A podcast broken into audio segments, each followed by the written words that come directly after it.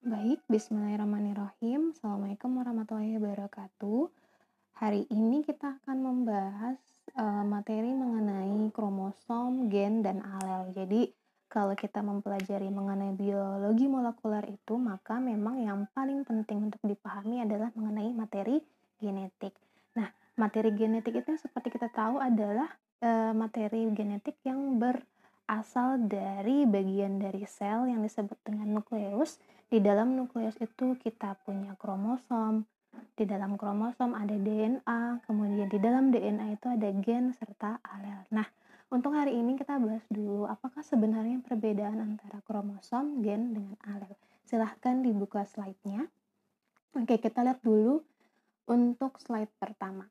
Yang pertama di sini adalah uh, saya membahas mengenai materi. Jadi kalian harus pahami dulu uh, setiap sel itu memiliki materi genetik yang sedikit berbeda meskipun sebenarnya mereka rada-rada mirip ya seperti itu.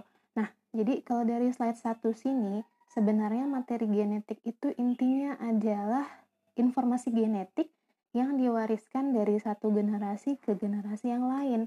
Informasi genetik di sini maksudnya adalah segala sesuatu uh, informasi yang berkaitan dengan unit-unit hereditas atau unit-unit uh, pewarisan keturunan. Ya, jadi yang namanya yang namanya informasi genetik itu bisa berupa uh, sifatnya adalah sebagai fenotip maupun sebagai genotip. Nah, untuk kelompok prokariotik sendiri, uh, prokariotik contohnya adalah sebangsa uh, bakteri. Nah, untuk prokariotik ini materi genetik terletak pada bagian nukleoid. Ya, jadi nukleoid itu adalah pengganti dari nukleus. Jadi kalau kamu baca beberapa buku memang dinyatakan bahwa prokariotik tidak memiliki e, nukleus tapi dia perannya digantikan oleh nukleoid ya. Jadi agak mirip fungsinya cuman secara struktur dia berbeda. Nah, e, bakteri pun memiliki kromosom. Jadi kromosomnya itu sifatnya tunggal, bulat, kemudian juga memiliki dua untai DNA. Jadi DNA itu bentuk strukturnya itu dia seperti untayan atau helayan ya seperti itu. Jadi kalau kalian ingat lagi waktu belajar genetika itu mungkin kalian ingat bahwa ya struktur DNA itu dia bentuknya adalah dua untai. Nah kemudian nanti kromosom ini nanti sebagian besar akan melekat pada bagian membran plasma. Yang membedakan di sini adalah prokariotik tidak memiliki uh, protein histon. Jadi itu berbeda dengan eukariotik nah Apakah itu histon? Silahkan dicek lagi ya apa itu artinya ya. Nah, sebagai contohnya misalnya adalah kelompok bakteri Escherichia coli. Ini dia bentuknya bulat, kemudian uh, bulat atau namanya udah sirkuler ya. Kemudian pasangan basanya itu cukup banyak, bakteri kecil-kecil gitu tapi pasangan basanya sangat banyak ya mencapai 4,8 miliar. Tahu ya pasangan basa? Pasangan basa itu adalah uh, komponen ada basa nitrogen, ada pirin, ada purimidin seperti itu. Jadi pasangannya sebanyak 4,8 miliar. Kemudian di dalamnya itu ada sebanyak 4.288 gen pengkode protein. Jadi protein yang mengkode informasi genetik itu sangat banyak. Selain itu dia juga punya ribosomal RNA atau rRNA dan dia juga punya transfer RNA. Uh, untuk kelompok RNA sendiri dia memang bisa dibagi, dibagi menjadi tiga.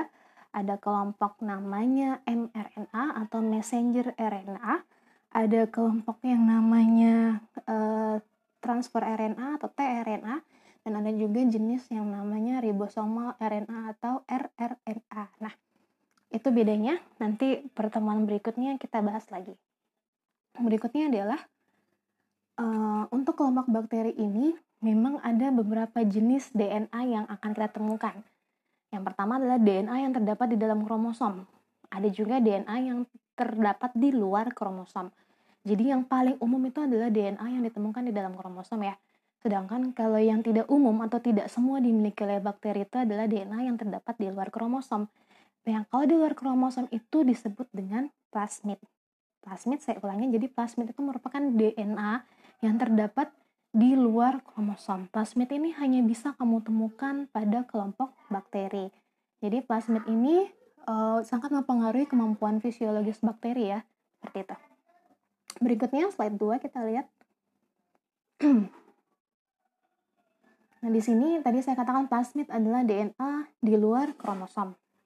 Nah, jadi sini ada beberapa uh, jenis-jenis plasmid, ada plasmid F, plasmid R, plasmid virulen dengan plasmid metabolik. Mungkin ini banyak dibahas ketika kalian ngambil mikrobiologi ya. Mungkin karena sekarang sudah semester 6, mikro itu semester 5 kalau tidak salah. Jadi sudah pagi.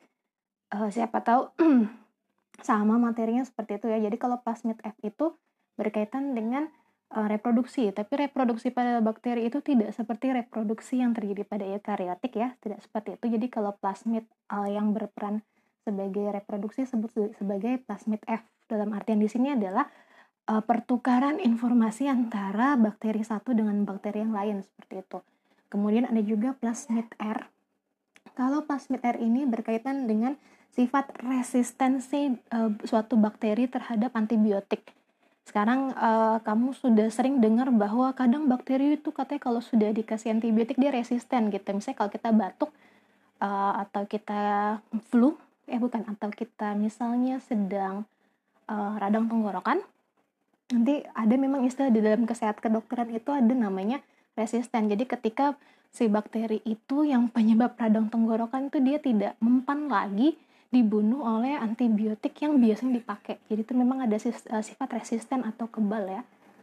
Kemudian yang ketiga adalah plasmid virulen. Ini kalau plasmid virulen ini, virulens ini berkaitan dengan penginfeksian. Jadi ada beberapa bakteri yang sifatnya patogen, dia mampu menginfeksi atau eh, bersifat patogen kepada organisme lain karena dia memiliki plasmid virulen. Dan yang keempat ini adalah plasmid metabolik. Jadi kalau metabolik itu berarti adalah sesuatu yang berkaitan dengan fisiologinya. Entah dia mampu menghasilkan senyawa atau mampu menghasilkan enzim-enzim gitu yang hanya dihasilkan oleh kelompok bakteri yang memiliki plasmid. Seperti itu. Jadi memang untuk plasmid itu sebenarnya akan banyak kalian dapat ketika mau ngambil mata kuliah mikrobiologi ya. Seperti itu jadi gambarannya. Jadi plasmid ini merupakan, saya ulangi lagi, plasmid merupakan kelompok dari DNA ekstra kromosomal atau DNA yang di uh, yang diperoleh atau terletak di bagian luar dari kromosom. Kemudian yang keempat adalah uh, maaf slide ketiga. Nah, jadi sekarang ini tadi bakteri udah. Kemudian kita bahas lagi nih, virus sekarang lagi booming corona, covid 2019 seperti itu ya. Jadi uh, virus ini dia kalau secara dari materi genetiknya ya, virus itu memiliki materi genetik bisa dia berupa RNA ataukah bisa dia juga DNA. Nah, berbeda dengan kalau pada kelompok eukariotik ataukah prokariotik gitu. Mereka memiliki kelompok eh mereka memiliki materi genetik berupa DNA maupun RNA. Tapi kalau virus itu materi genetiknya hanya satu. Apakah dia hanya RNA ataukah dia DNA? Jadi eh misalnya kalau ada jenis-jenis jenis virus yang memiliki uh, materi genetik berupa DNA itu pasti akan berbeda dengan eh, virus-virus uh, yang memiliki materi genetik berupa RNA ya. Jadi materi genetik pada virus itu akan menjadi dasar pengelompokan suatu virus seperti itu. Jadi virus itu uh, seperti yang kita tahu dia kadang disebut sebagai benda mati tapi hidup.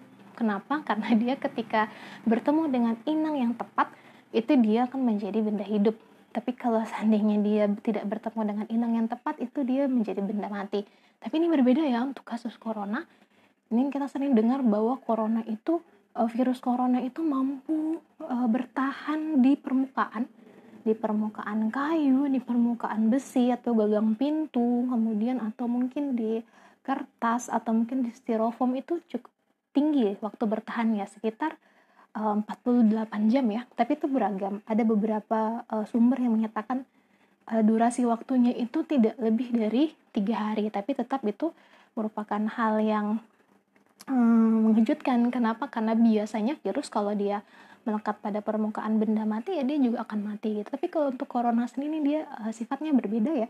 Mungkin itu yang menyebabkan dia uh, lebih mudah menyebabkan infeksi uh, kepada beberapa orang seperti itu. Nah, kalau dari uh, materi genetik ini, kalian lihat di situ ada dua gambar saya paparkan. Ada uh, secara struktur, ada mirip ya. Kalau namanya kita berbicara mengenai virus, pastinya kalau struktur luarnya itu dia punya uh, protein pembungkus atau envelope envelope protein.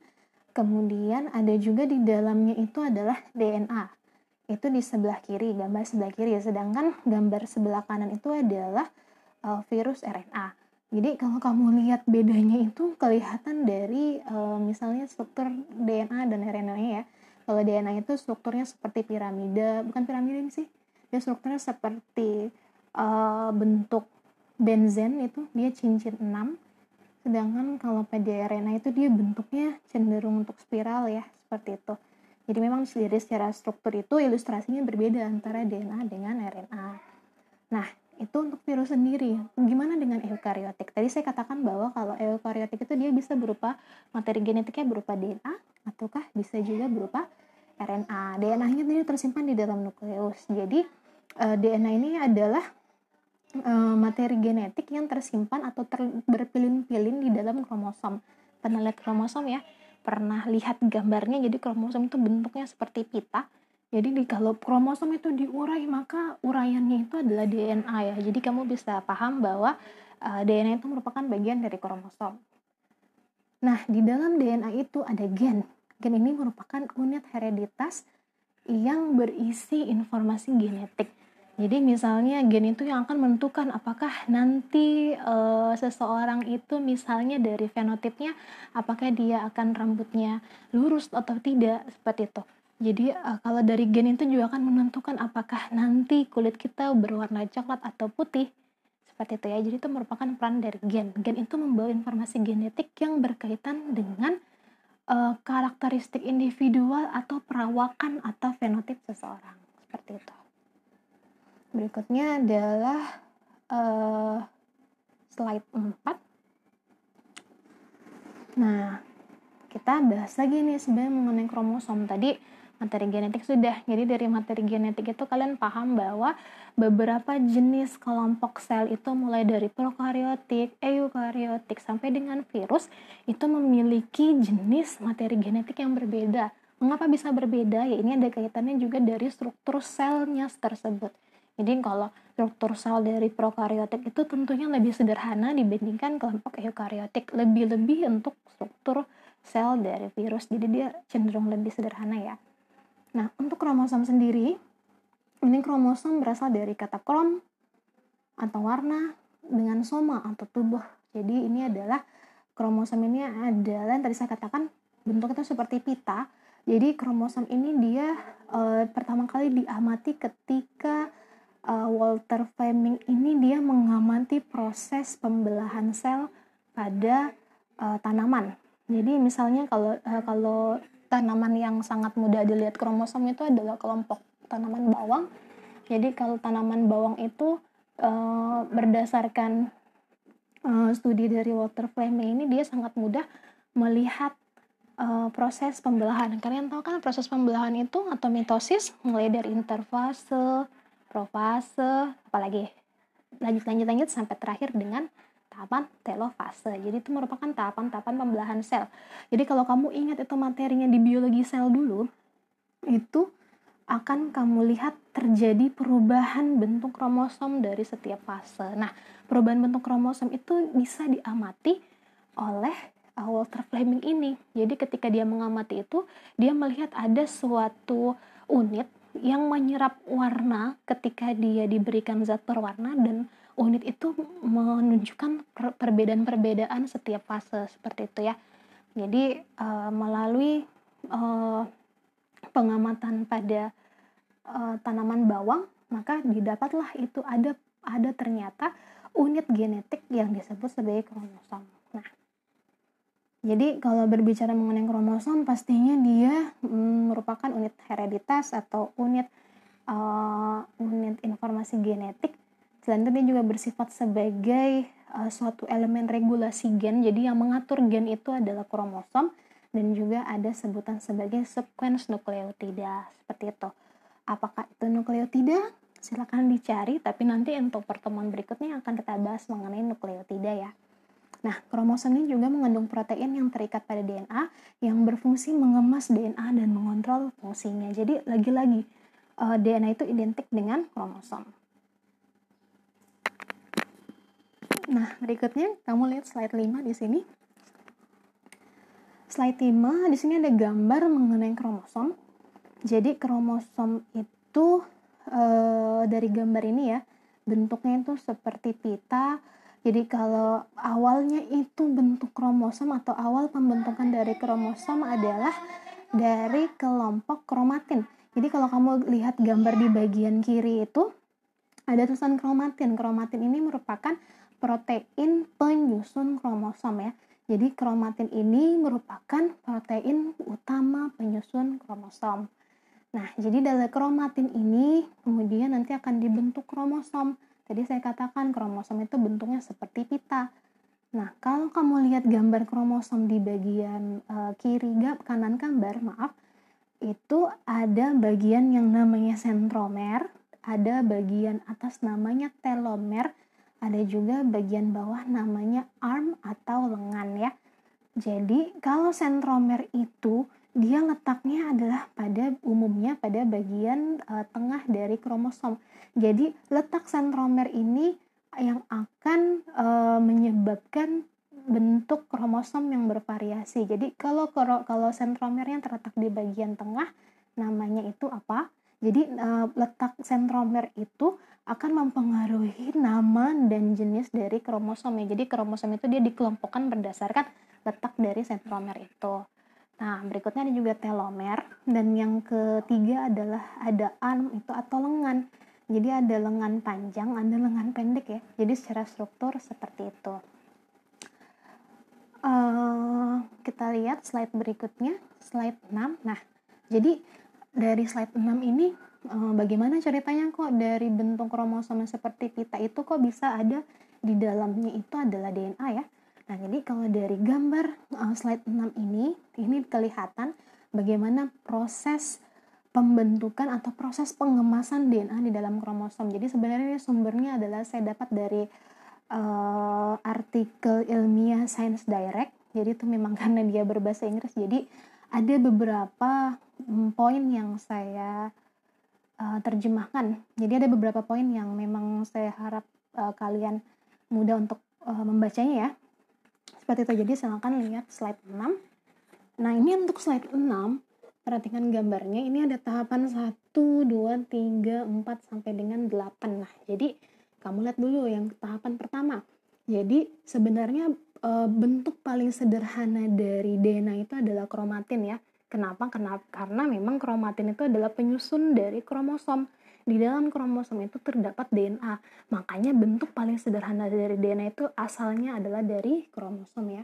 Cuman kalau untuk DNA, DNA itu uh, strukturnya adalah unit eh maaf uh, strukturnya itu dia adalah untai ganda. Jadi dia bentuknya seperti lembaran yang saling berpilin.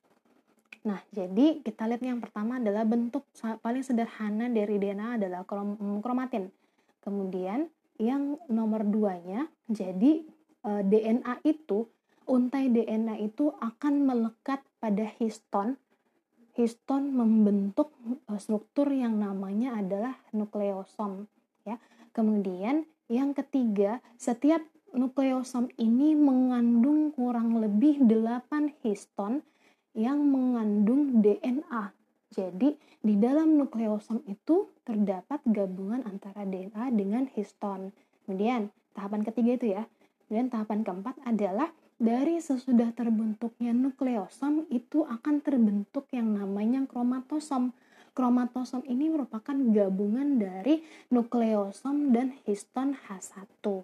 Jadi histon H1 inilah yang membantu DNA itu dia strukturnya melipat, berputar, berpilin sehingga bentuknya menjadi lebih kecil seperti itu. Jadi uh, ada nukleosom, ada juga kromatosom. Jadi uh, fungsinya berbeda, bentuknya juga berbeda ya.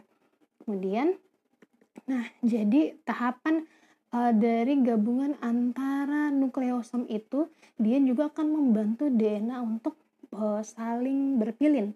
Jadi dipilin dipintal itu DNA-nya uh, supaya strukturnya itu dia lebih sederhana dan bisa masuk di dalam kromosom. Seperti itu ya uh, kalau kamu lihat di sini bahasa Inggrisnya jadi dia panjangnya itu kira-kira 300 nanometer panjangnya pilihan DNA itu 300 nanomilimeter nanometer.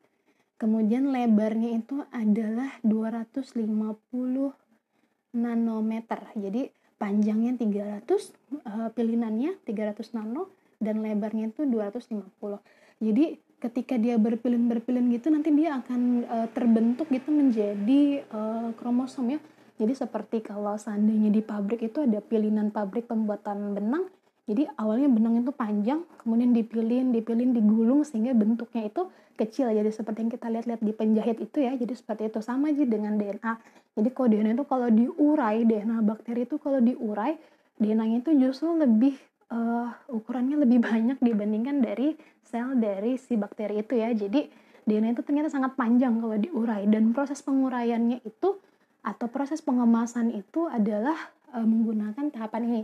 Jadi dia membentuk dulu, membentuk dulu, dulu nukleosom, kemudian kalau sudah menjadi nukleosom, dia akan membentuk menjadi kromatosom dan dari kromatosom itu nanti akan menggulung terus sehingga ukuran DNA-nya itu menjadi lebih uh, sederhana untuk dilipat. Berikutnya tadi itu adalah kromosom ya.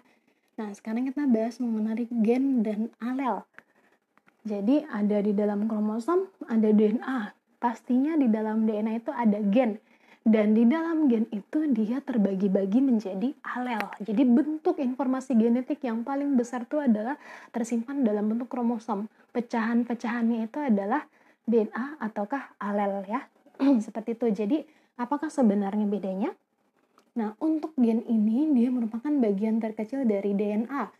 Jadi dari gen ini dia akan menentukan karakteristik individu atau perawakan atau fenotip setiap makhluk hidup itu adalah dari gen.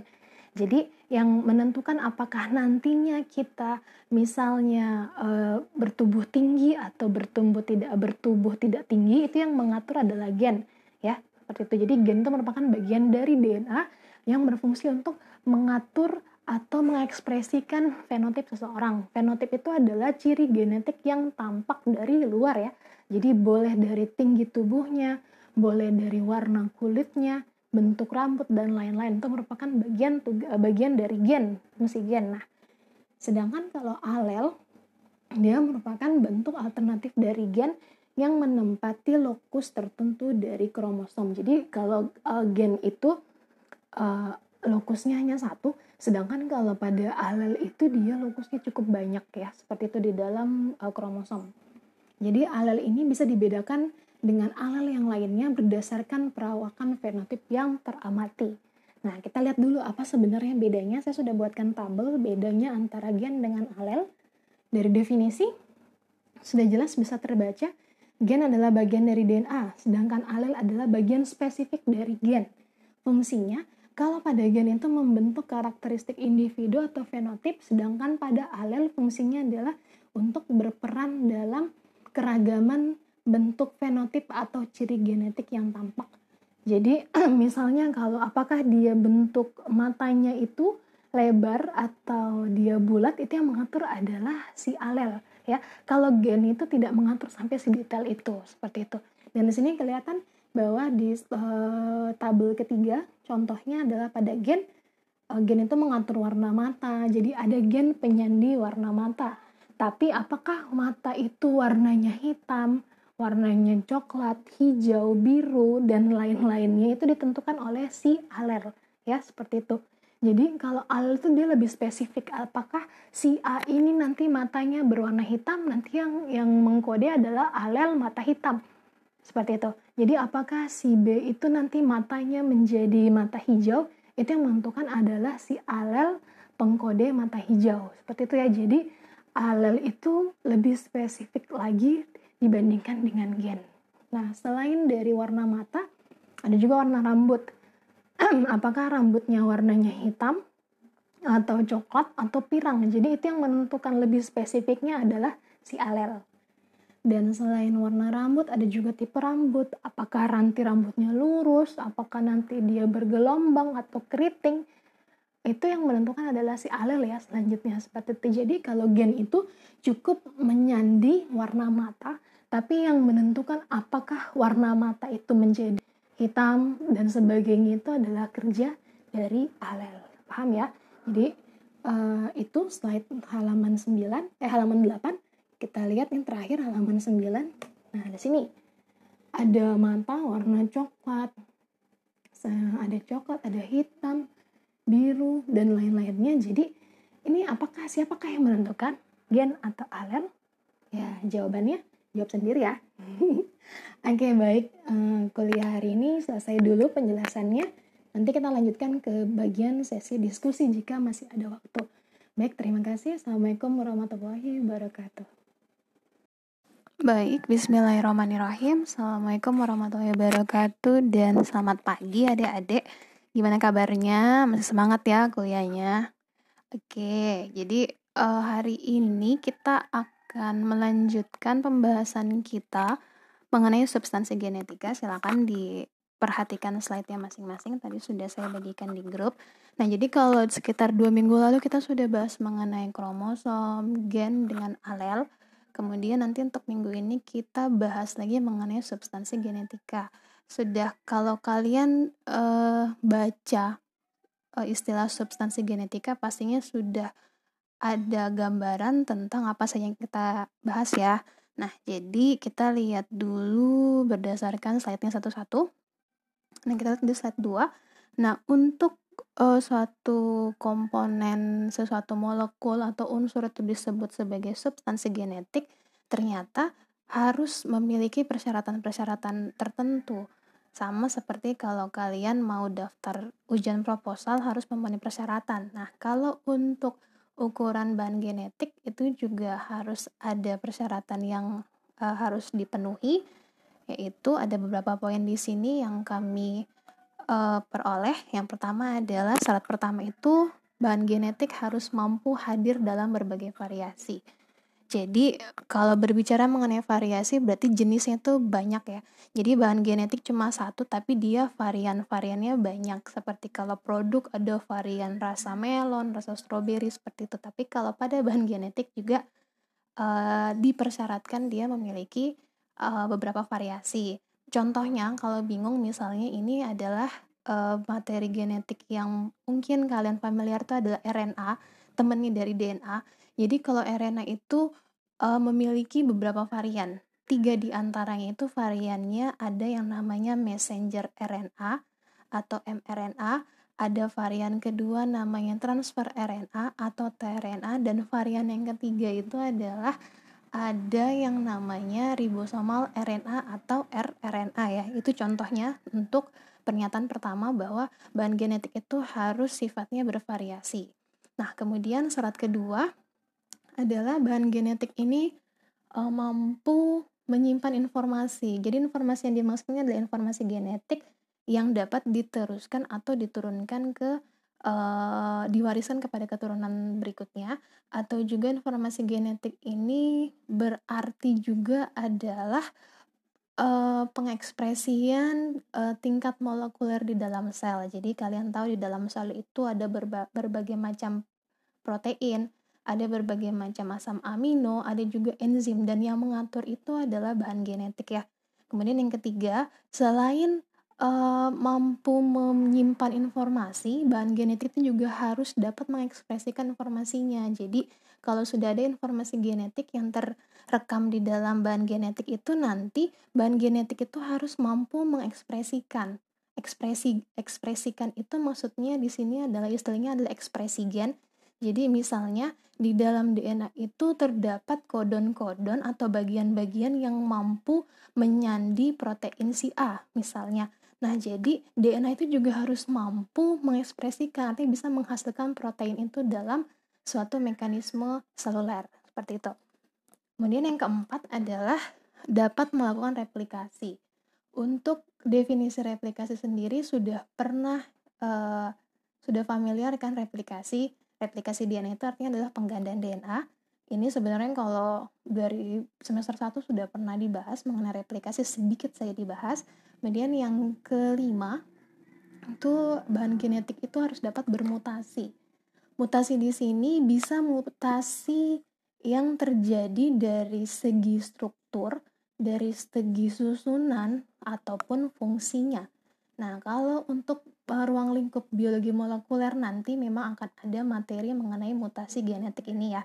Jadi, mutasi genetik yang akan kita pelajari di uh, biologi molekuler itu akan dibuat berbeda dengan mutasi genetik yang kalian dapatkan ketika memperoleh mata kuliah genetika. Nah, berikutnya kita lihat slide ketiga. Jadi uh, sebenarnya sudah berapa sudah cukup banyak ahli-ahli yang uh, meneliti mengenai keberadaan bahan genetik itu sendiri. Jadi kalau dari saya tiga di sini, uh, bahkan dari tahun 1930-an itu uh, dunia sudah tahu, dunia pendidikan maksudnya, peneliti sudah tahu bahwa protein itu dianggap sebagai bahan genetik. Jadi ini ada beberapa timeline-nya atau ada beberapa runutan uh, penelitian yang berkaitan dengan DNA. Nanti kamu baca saja di sini dari tahun 1930, 1944, 1953, dan 1967-an dan bahkan sampai sekarang juga masih ada banyak penelitian yang berkecimpung mengenai bahan genetik ini sendiri ya. Nah, kita lihat dulu apa sih perbedaan hasil yang diperoleh dari setiap ahli biologi itu ketika mempelajari genetika. Jadi kita lihat di slide berikutnya, slide 4. Nah, ini pertama, uh, ada penelitian dilakukan oleh Griffith pada tahun 1927. Jadi ini merupakan bukti pertama ya, ada beberapa penelitian-penelitian yang menjadi pionir ter, uh, terkait dengan uh, mempelajari DNA. Jadi untuk percobaan Griffith sendiri, mungkin sudah pernah membaca mengenai percobaan Griffith ketika kalian dapat di genetika, tapi kita review kembali ya. Jadi kalau untuk percobaan Griffith ini dia menggunakan bakteri Streptococcus pneumoniae. Jadi bakteri ini digunakan oleh Griffith untuk mengamati bahan genetik yang terjadi atau terlibat dalam suatu proses transformasi. Karena kalian sudah semester 6 seharusnya sudah pernah mendapatkan materi transformasi untuk uh, mata kuliah mikrobiologi.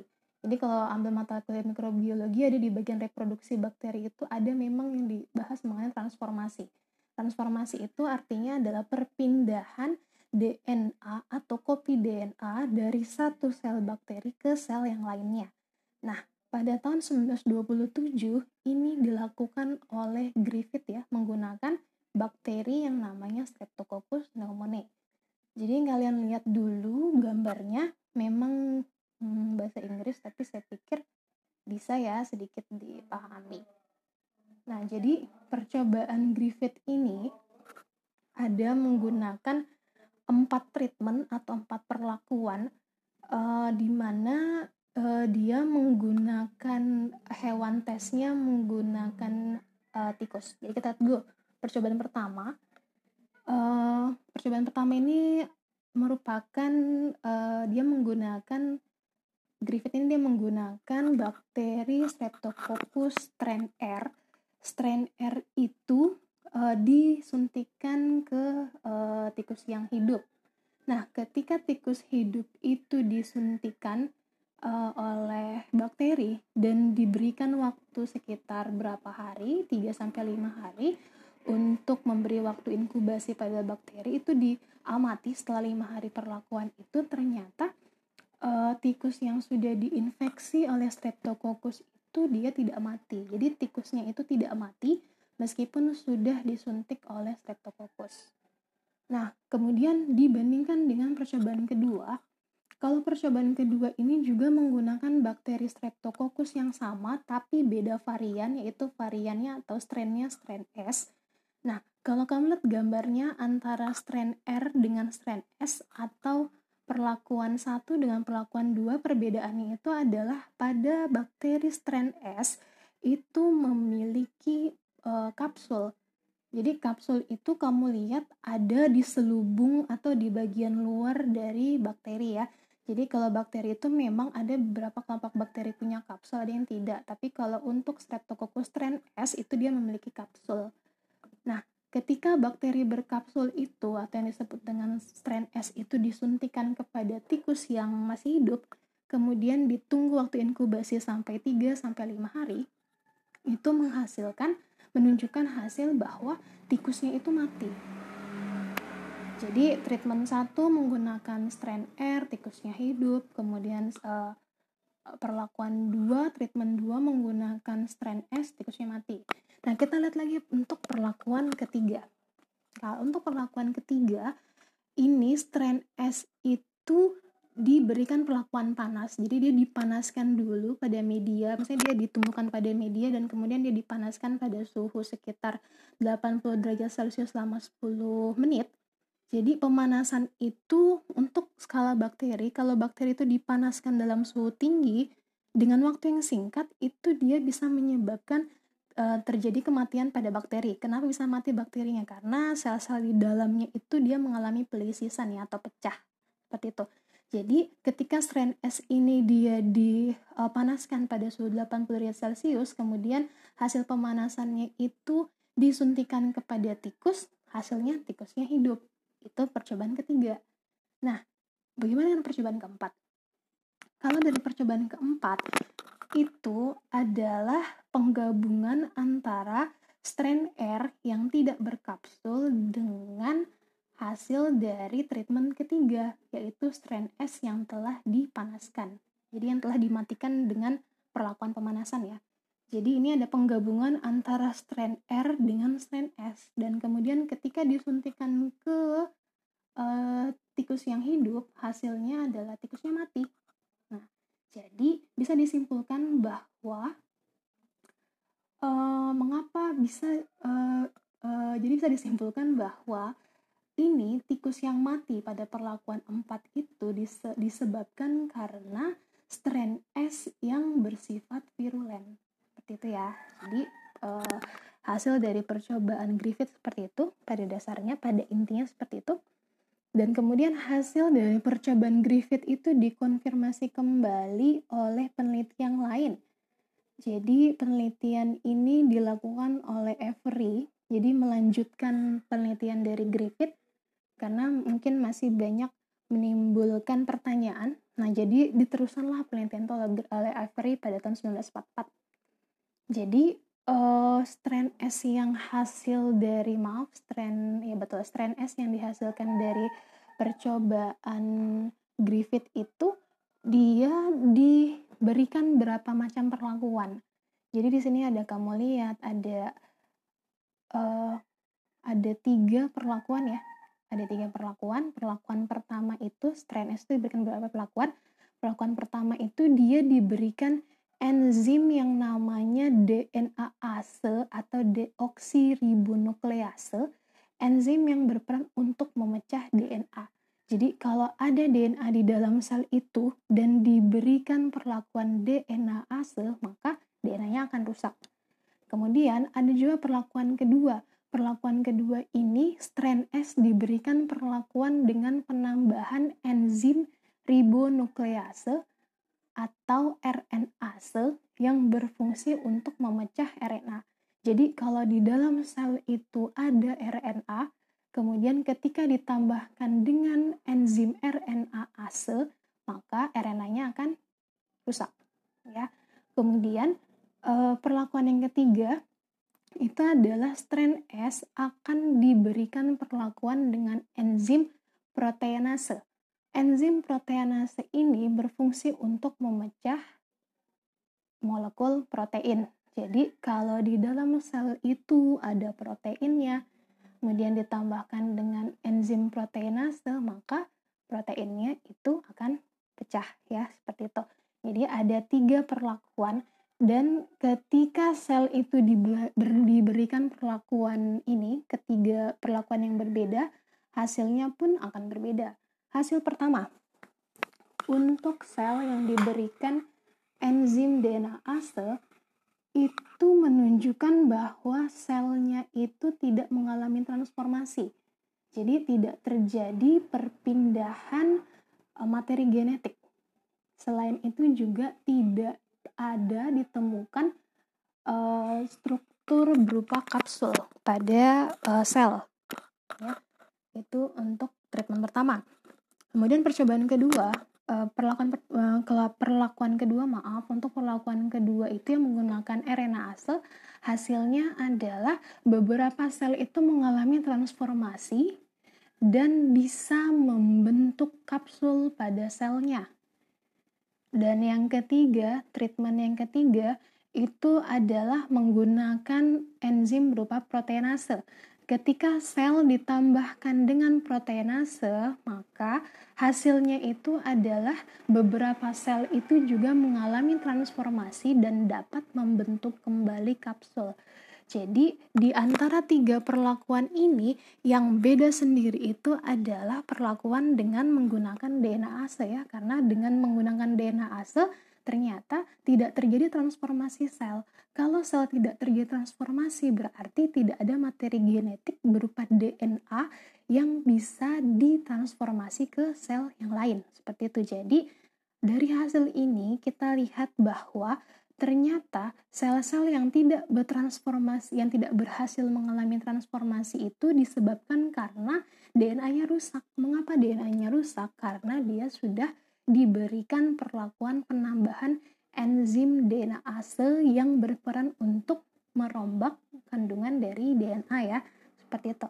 Jadi sampai di sini dari percobaan Griffith sampai Avery itu sudah bisa ada benang merah yang disimpulkan bahwa ternyata yang berpengaruh dalam yang mempengaruhi keberhasilan transformasi sel itu adalah keberadaan dari DNA. Kalau DNA-nya ada, maka sel bisa bertransformasi. Seperti itu ya. Kemudian uh, ada lagi penelitian lanjutan. Ini dilakukan oleh uh, Hersey dan Chess pada tahun 1952 ini beda sendiri karena kalau dua perbedaan sebelumnya itu e, menggunakan transformasi bakteri, tapi kalau pada percobaan ini, percobaan heresi ini dia menggunakan e, virus fage dengan bakteri. Jadi kalau pertemuan lalu saya pernah katakan virus itu materi genetiknya hanya DNA atau RNA saja. Jadi dia tidak ada DNA bersamaan dengan RNA tidak ada, tapi dia hanya satu. Apakah itu DNA ataukah dia RNA. Jadi dengan penelitian si Hershey ini, kenapa digunakan virus? Jadi alasannya adalah karena virus itu lebih struktur selnya itu lebih sederhana dibandingkan bakteri. Kalian tahu kalau dari gambar ini bahwa virus itu bentuknya paling sederhana ya. Jadi virus itu cuma terdiri uh, dari DNA di dalamnya dan di bagian luarnya itu dia hanya dilapisi oleh protein atau uh, coat ya atau envelope uh, protein itu saja. Jadi protein atau virionnya itu adalah struktur yang berfungsi untuk melindungi isi dari uh, isi dari materi genetik itu. Jadi uh, struktur dari virus tentunya lebih sederhana dibandingkan struktur dari uh, bakteri. Nah, jadi dengan penelitian ini, Hershey ini dia menggunakan dua jenis perlakuan, yaitu ada virus yang telah uh, yang pada bagian DNA-nya itu uh, pada bagian materi genetiknya mau dia DNA atau RNA-nya itu dia diberikan oleh penanda. Ada juga perlakuan di mana uh, virus itu penandanya diberikan pada bagian uh, envelope atau bagian luar dari virus. Jadi begini, jadi ketika di masanya itu para ahli bingung, uh, para ahli sebenarnya sudah paham bahwa virus itu dapat menginfeksi bakteri. Ketika virus itu menginfeksi bakteri, maka virus itu akan me, uh, istilahnya dia akan uh, melakukan penetrasi, menginfeksi, jadi dia memindahkan uh, memindahkan DNA dari virus itu kepada bakteri sehingga bakterinya itu bisa terinfeksi seperti itu. Sebenarnya uh, dari konsep itu sudah paham. Hanya yang menjadi pertanyaan besar adalah sebenarnya di bagian manakah virus itu yang masuk? Apakah yang masuk itu pada bagian DNA-nya saja? Apakah yang masuk yang pertama, apakah yang masuk itu pada bagian virus berupa DNA-nya saja? Terus yang pertanyaan kedua, apakah kalau bukan DNA, mungkin protein di luar itu atau selubungnya itu ikut masuk? Nah, jadi inti dari penelitian Harris itu seperti itu. Nah, dari hasil penelitian, nanti kalian boleh baca lagi, menunjukkan bahwa ternyata yang menyebabkan bakteri itu terinfeksi oleh virus karena virus itu mengeluarkan materi genetik berupa DNA Iya, jadi dia mengeluarkan atau menginfeksi materi genetik dari virus, kemudian nanti dia pindahkan itu ke dalam sel bakteri.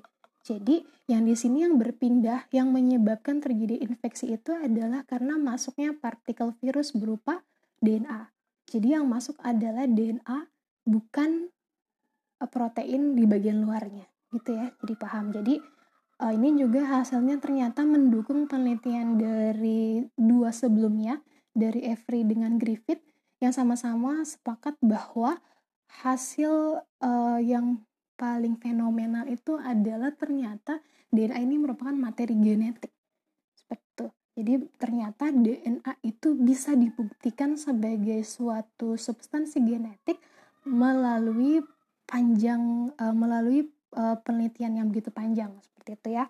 Nah, kemudian uh, sesudah diketahui DNA adalah materi genetik, berikutnya para ilmuwan juga berlomba-lomba untuk melihat gimana sih sebenarnya itu struktur dari DNA.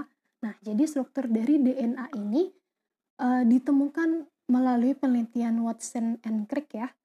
Jadi uh, dari dua orang ini kita sampai sekarang kita baru paham bahwa ternyata bentuk DNA yang seperti itulah yang uh, paling cocok dengan penggambaran DNA ya. Nah, jadi penelitian Watson and Crick ini hasil akhirnya adalah mereka mampu menciptakan model DNA yang paling mirip dengan DNA sesungguhnya. Nah, berikutnya kita lanjut ke slide 8. Nah, jadi DNA itu merupakan polimer ya. DNA itu adalah polimer. Poli artinya banyak, mer di sini artinya berasal dari kata monomer. Jadi DNA ini adalah gabungan-gabungan dari monomer. Monomer DNA itu namanya adalah nukleotida.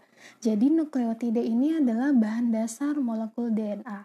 Terdiri dari tiga unsur, tiga om komponen, yaitu ada gugus fosfat, ada gula pentosa, dan juga ada basa nitrogen. Jadi ada fosfat, gula dengan basa. Keseluruhan unsur ini akan membentuk nukleotida nukleotida itu adalah monomernya dari DNA. Jadi nukleotida itu akan saling berpasangan dengan nukleotida lainnya untuk membentuk struktur DNA yang lebih kompleks ya. Kemudian kita lihat slide 9. Tadi saya katakan bahwa DNA adalah polimer, sedangkan monomernya adalah nukleotida. Polimernya disebut sebagai polinukleotida, artinya molekul yang memiliki banyak nukleotida dan ikatan antara dua nukleotida melibatkan satu gugus fosfat dan gula pentosa. Jadi yang mengikat nukleotida ini namanya adalah ikatan kimia fosfodiester. Nah, jadi kalau ingat mata kuliah uh, biokimia yang lalu ya. Jadi pada uh, nukleotida itu, jadi karena DNA itu merupakan polimer, berarti yang melekatkan nukleotida satu dengan yang lainnya itu adalah satu ikatan kimia yang namanya adalah ikatan fosfodiester. Berikut slide 10. Nah, jadi di dalam uh, pada bagian DNA itu tepatnya pada bagian basa nitrogen itu dikenal dengan sebutan basa purin dan basa pirimidin. Untuk basa purin dia terdiri dari kelompok adenin dan guanin dan pirimidin itu terdiri dari kelompok timin dan sitosin ya. Jadi sudah tahu bahwa antara purin itu dia akan selalu berikatan dengan pirimidin seperti itu. Nah, jadi adenin pada bagian purin akan membentuk ikatan dengan timin pada bagian pirimidin. Sedangkan kalau pada bagian purin berupa guanin akan berikatan dengan sitosin pada pirimidin di slide 10 di situ di, uh, ada tulisan di situ uh, di ter, tercantum di situ adenin ini akan berikatan dengan timin. Itu bukan sama dengan artinya, tapi artinya dia adalah ikatan rangkap dua. Jadi adenin akan berikatan dengan timin menggunakan ikatan kimia hidrogen rangkap dua. Sedangkan kalau guanin akan berikatan dengan sitosin menggunakan ikatan hidrogen rangkap tiga. Jadi ikatan hidrogen itulah yang mengikat antara basa purin dan basa pirimidin ya. Kemudian uh, aturan per perpasangan, berpasangan atau komplement antara purin dan pirimidin itu juga punya aturan tersendiri yang dikenal dengan aturan Chargaff di mana jumlah purin itu pastinya sama dengan jumlah pirimidin. Kenapa? Karena mereka uh, saling berkomplement atau saling berpasangan ya. Kalau purinnya 4, maka pirimidinnya juga 4 supaya bentuk DNA-nya itu stabil. Nah, berikutnya untuk slide 11 ini ada struktur uh, kimia dari DNA itu sendiri. Jadi DNA itu bentuknya berpilin, dia tidak lurus. Kalau kamu lihat di latar slide di sini kan dia bentuknya berpilin ya, seperti berlekuk-lekuk begitu. Jadi apa yang menyebabkan DNA itu berlekuk? Karena ternyata dari DNA itu dia terdiri dari dua untai, ada dua utas, utas kan, utas atas dengan bawah, dan mereka itu berputar dengan arah perputaran yang berbeda. Satu arah perputarannya dari arah lima aksen ke tiga aksen, yang untai satunya kebalikannya dari arah tiga aksen ke arah lima aksen. Jadi perputaran DNA ini sifatnya adalah anti paralel karena dia bergerak dari arah perputaran yang berbeda sehingga bentuk DNA itu sangat sangat uh, uh, sangat spesifik ya atau dia bentuk DNA itu uh, sangat uh, unik karena memang dari bentuk perputaran untainya itu sudah berbeda. Nah, jadi tadi berbentuk untaiannya itu disebut sebagai untayan antiparalel karena dia bergerak berputar dari arah yang berbeda. Nah, di sini dilihat bahwa antara hmm, basa timin dengan adenin itu dia diikat oleh ikatan hidrogen rangkap dua sedangkan pada bagian pirimidin yaitu antara guanin dengan sitosin dia diikat oleh ikatan hidrogen rantai tiga. Seperti itu. Kemudian slide ke-12 nah jadi kalau dari DNA itu rantainya rantai ganda ya Kemudian nukleotida tadi saya sudah bahas bahwa dia terdiri dari satu molekul fosfat, satu gula deoksiribosa, dan satu molekul basa nitrogen. Jadi kalau untuk molekul gula itu sifatnya gula pentosa karena dia memiliki struktur 5 cincin ya. Pentosa itu artinya 5 cincinnya. Seperti itu. Sedangkan kalau basa nitrogen itu dia strukturnya adalah struktur benzen atau cincin 6. Kalau untuk basa nitrogen sudah dijelaskan bahwa terdiri dari dua, ada purin, ada pirimidin, di mana masing-masing purin akan berpasangan dengan pirimidin. Berikutnya, ini adalah gambar-gambaran yang mampu uh, silakan diperhatikan, tapi pada dasarnya agak mirip Ji dan uh, mungkin tidak perlu dibahas secara detail. Slide 13, slide 14, seperti itu. Jadi, Slide 14 ini dilihat arah perputarannya antara uh, untai satu dengan untai dua, jadi memang dia berputar dari arah yang berbeda. Kemudian berikutnya adalah RNA. Tadi kita sudah bahas mengenai DNA, sekarang kita bahas saudaranya adalah RNA. Kalau yang membedakan antara DNA dengan RNA itu adalah dari strukturnya. Kalau DNA itu namanya juga double helix atau dia terdiri dari dua untai. Sedangkan untuk RNA itu dia rantainya rantai tunggal, sama-sama memiliki nukleotida yang terdiri dari gugus fosfat, satu gugus fosfat, kemudian ada satu molekul gula ribosa, dan yang ketiga adalah molekul basa nitrogen. Nah, kalau dari e, komponen nukleotida antara DNA dan RNA pasti berbeda ya. Tadi kalau DNA nukleotidanya itu gugusnya namanya gugus pentosa. Sedangkan kalau RNA gugus gulanya itu namanya adalah gugus gula ribosa. Kemudian perbedaan kedua adalah dari komposisi basa nitrogen. Untuk purin, purin masih sama, ada adenin dengan guanin, tapi untuk pirimidin, timin digantikan oleh urasil. Jadi pirimidin itu uh, terdiri dari sitosin dengan urasil. Kalau pada DNA urasil itu tidak ada dan dia digantikan oleh timin seperti itu.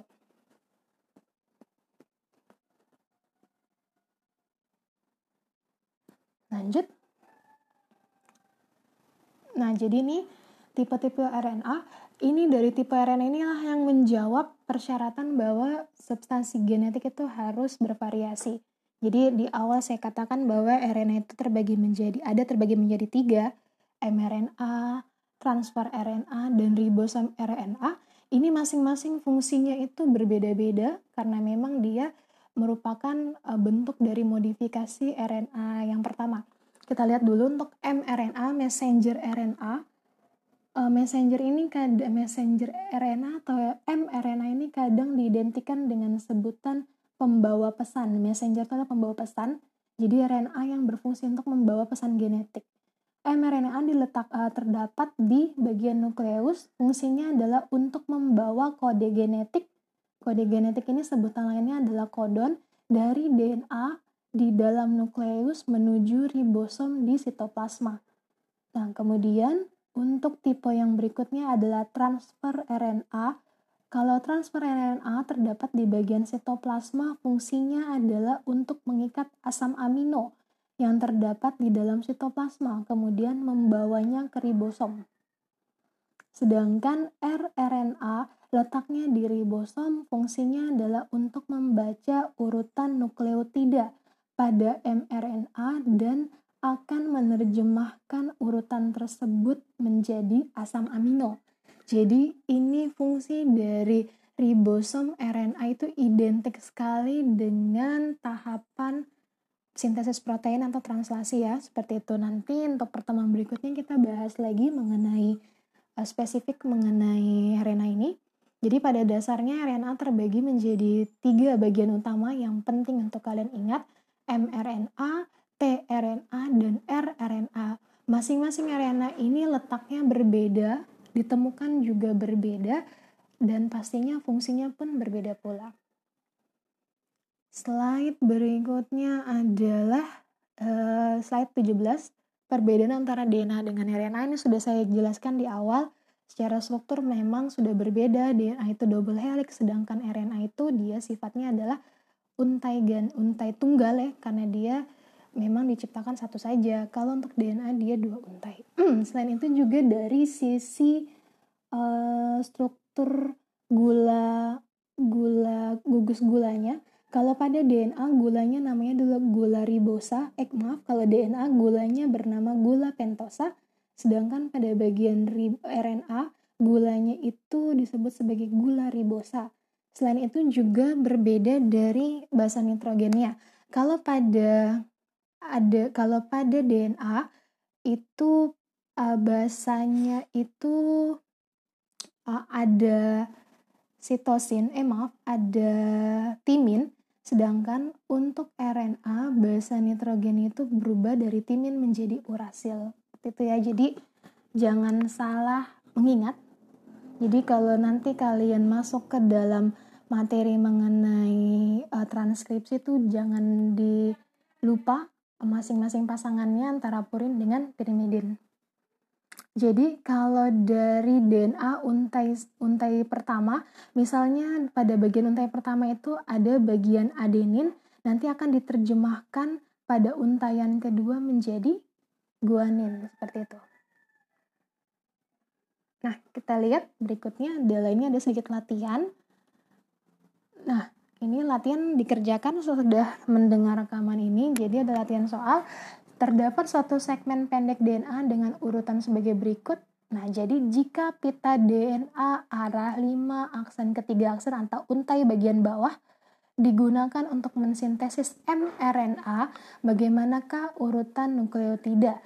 Jadi diurut berdasarkan kode purin dan pirimidinnya ya. Oke, silakan dikerjakan dulu nanti diskusinya kita lanjut lagi. Baik, terima kasih uh, untuk waktunya pemaparan hari ini kita lanjutkan ke diskusi. Uh, Oke okay deh.